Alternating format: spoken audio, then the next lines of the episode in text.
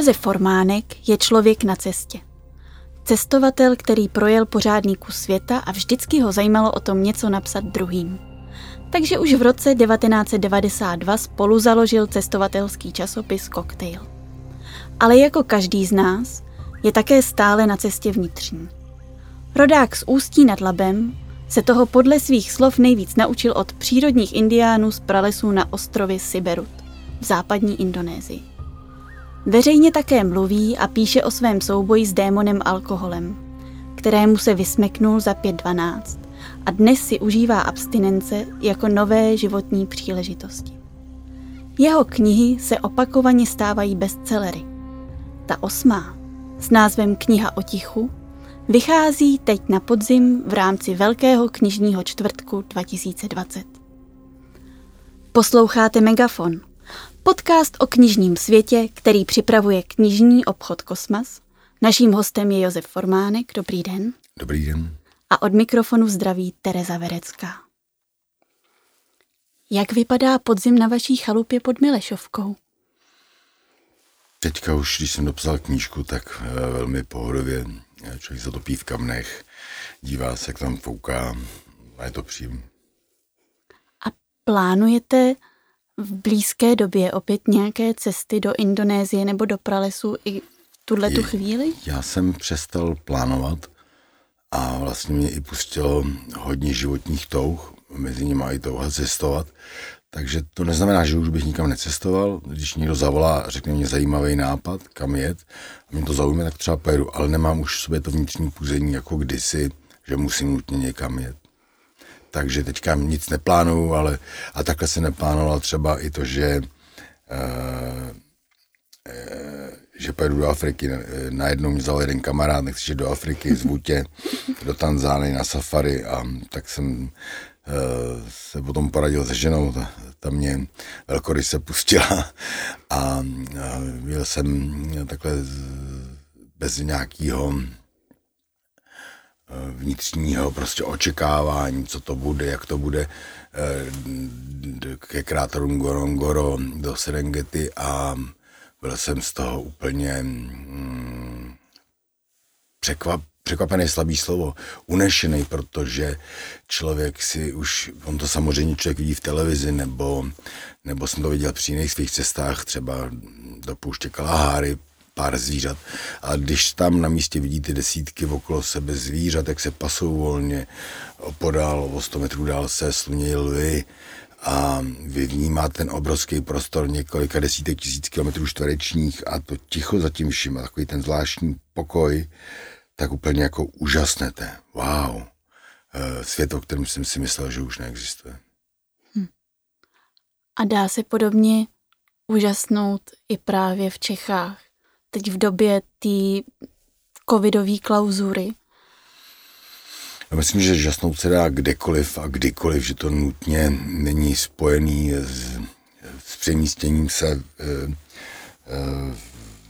v prostoru, ale Eh, samozřejmě líp se žasne někde, kde to člověk nezná. Já vím, že když jsem že když přijdu někam do úplně jiné země, kterou jsem ještě nenaštívil, tak je to opravdu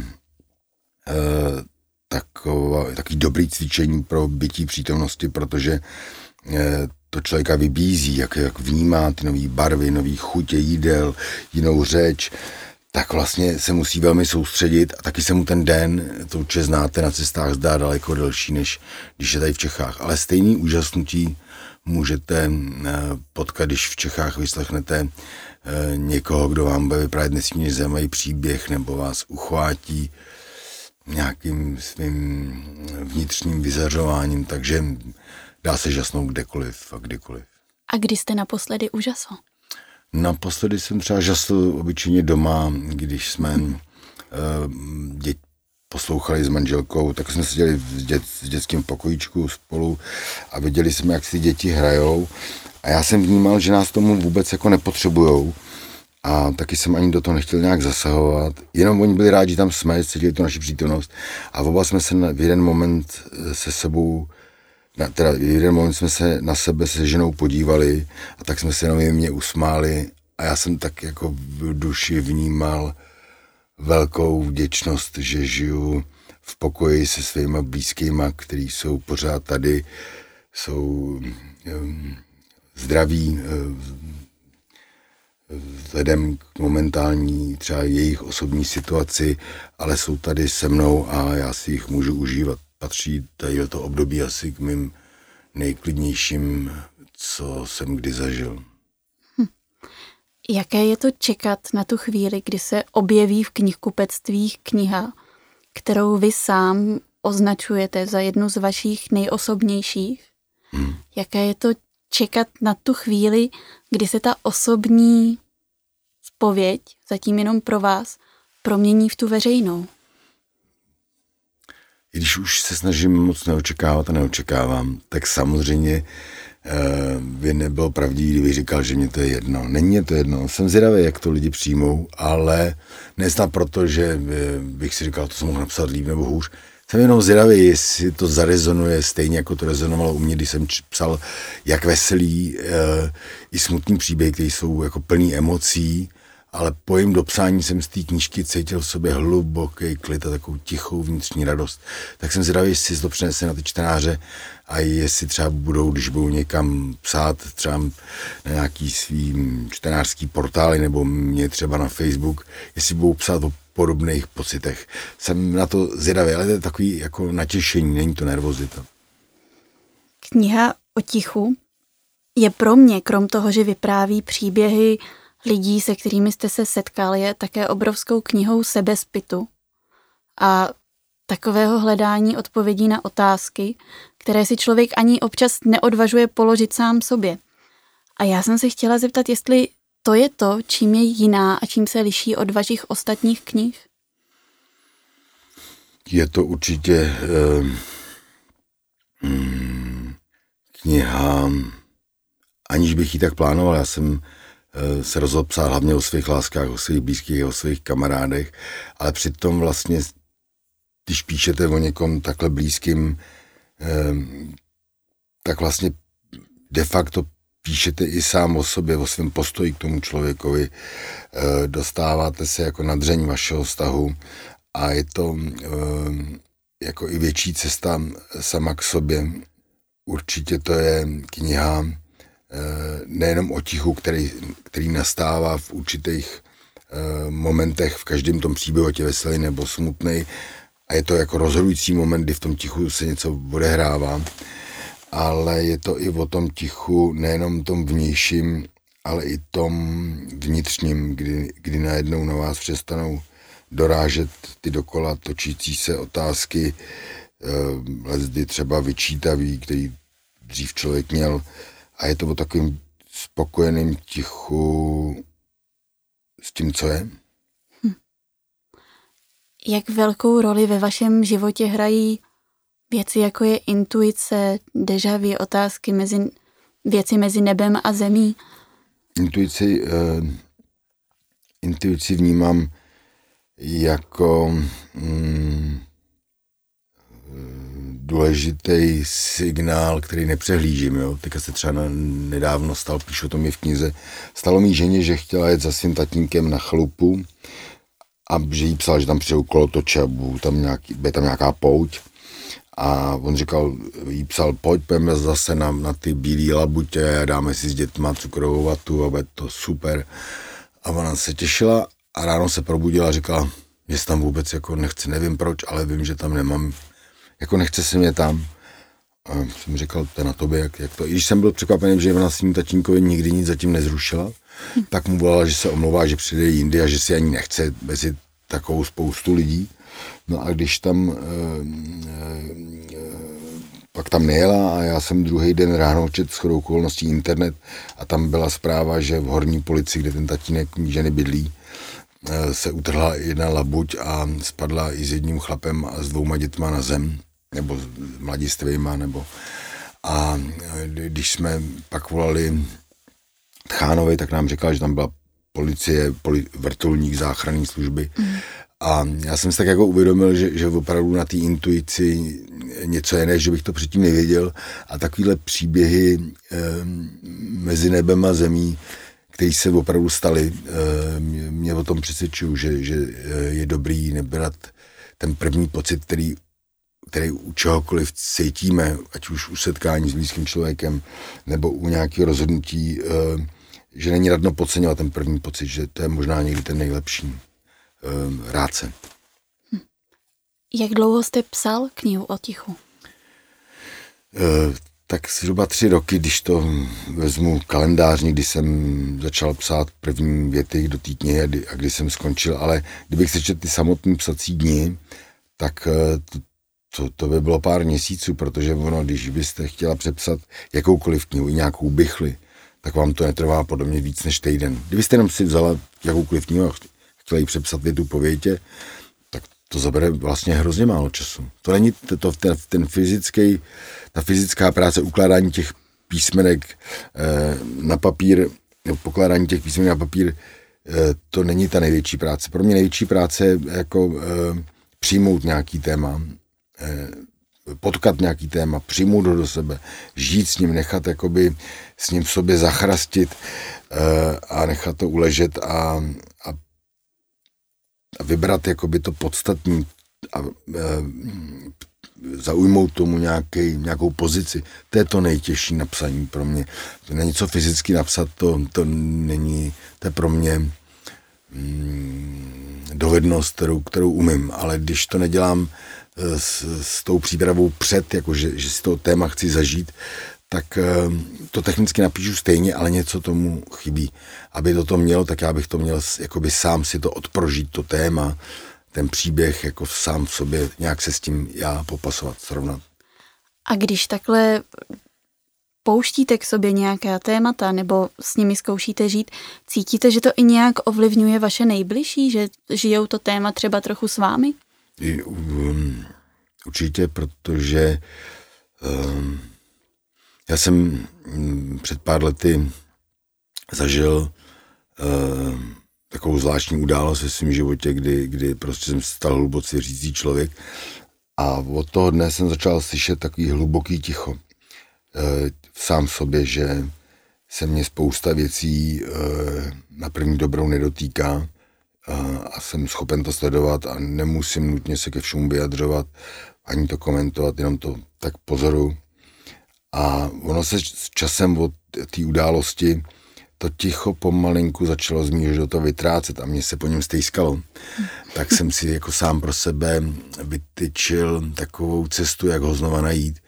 A, e, jsem oslovoval e, lidi, který e, na svých cestách, který, z kterých to ticho vyzařoval, ať už to byl lovec tigrů, nebo, nebo jsem si četl staré knihy, protože Eh, moudrý svatý knihy, jako je třeba Te Ching, eh, eh, protože jsem měl pocit, že se tam píše o tom samém, co jsem zažíval, nebo když si čtete příběhy z Nového zákona nebo přemýšlíte o Budovi, tak, tak, tak vnímáte, že mluvili o něčem velmi podobným a pak jsem se jako by tak rozhodnul vnitřně, že co bude patřit pro ty mý ukazat, nebo co je patřit pro ty, pro ty mantinely té cesty. A jeden, jeden z těch mantinelů byla třeba eh, to, že chci být laskavý ke komukoliv, kdykoliv, eh, být laskavý k svým nejbližším, eh, k ostatním lidem, i sám k sobě, protože to je jedna z věcí, která vám pomůže, aby by se vám v hlavě nehonili furt dokola jedny a ty samé otázky, protože vlastně si nemáte co vyčítat, vy si jdete lehnout a, a okamžitě spíte, že není tam prostor si cokoliv vyčítat, že všecko, co ten den děláte, tak děláte k ostatním e, laskavě, takže si nemůžete jako dřív e, vyčítat, že, že, že jste třeba někam šel pozdě na schůzku, nebo že, že jste byl na někoho třeba hrubej, nebo protože se tak už nesnažím chovat, e, snažím se být právě e, mírnej a, a milej a to je jedna z těch mnoha cest eh, k tomu tichu, díky kterému jsem ho zase uslyšel. Díky kterým těm věcem. Je na té cestě k tomu tématu a k té vaší práci, k tomu psaní. A tak jenom jsem ještě, že on, omlouvám se, jenom, že a vlastně o té laskavosti, jak jsem začal být laskavý, tak laskavost má jednu výbornou vlastnost Eh, že ona se okamžitě zrcadlí na těch druhých. Když na vás budu teďka nepříjemný, tak se minimálně zakaboníte. Když na vás budu laskavý, během hodiny, možná dvou dnů, možná týdne, začnete být laskavá automaticky i vy, aniž byste tomu neporučíte. Takže vlastně e, i moje žena na mě začala být velmi laskavá. E, ne, že by předtím jako nebyla, ale cítím z ní, že najednou nemá se mnou problém řešit moje pohozené svršky po bytě, protože já jsem přestal taky řešit spousta banalit, na kterých jsem dřív bazíroval. A vlastně, jak to děti odkoukávají ode mě od ženy, tak i vnímám, že mezi nimi je větší pohoda, když se samozřejmě jako každý děti dokážou e, pohárat po hračku. A máte pocit, že na základě vlastní laskavosti se vás třeba pak míň dotýká nelaskavost jiných?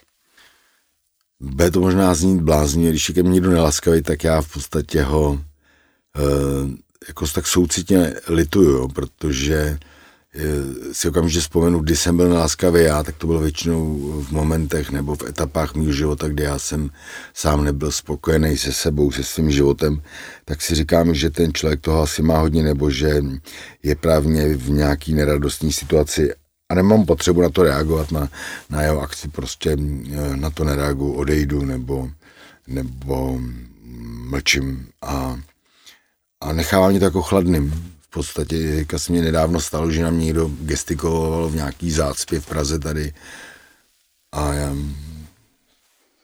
jako nijak se mě to nedotklo. Prostě viděl hm. jsem, že jedu prostě tak, jak jsem měl jet předpisově, jel jsem asi jeho vkus, vkus moc pomalu.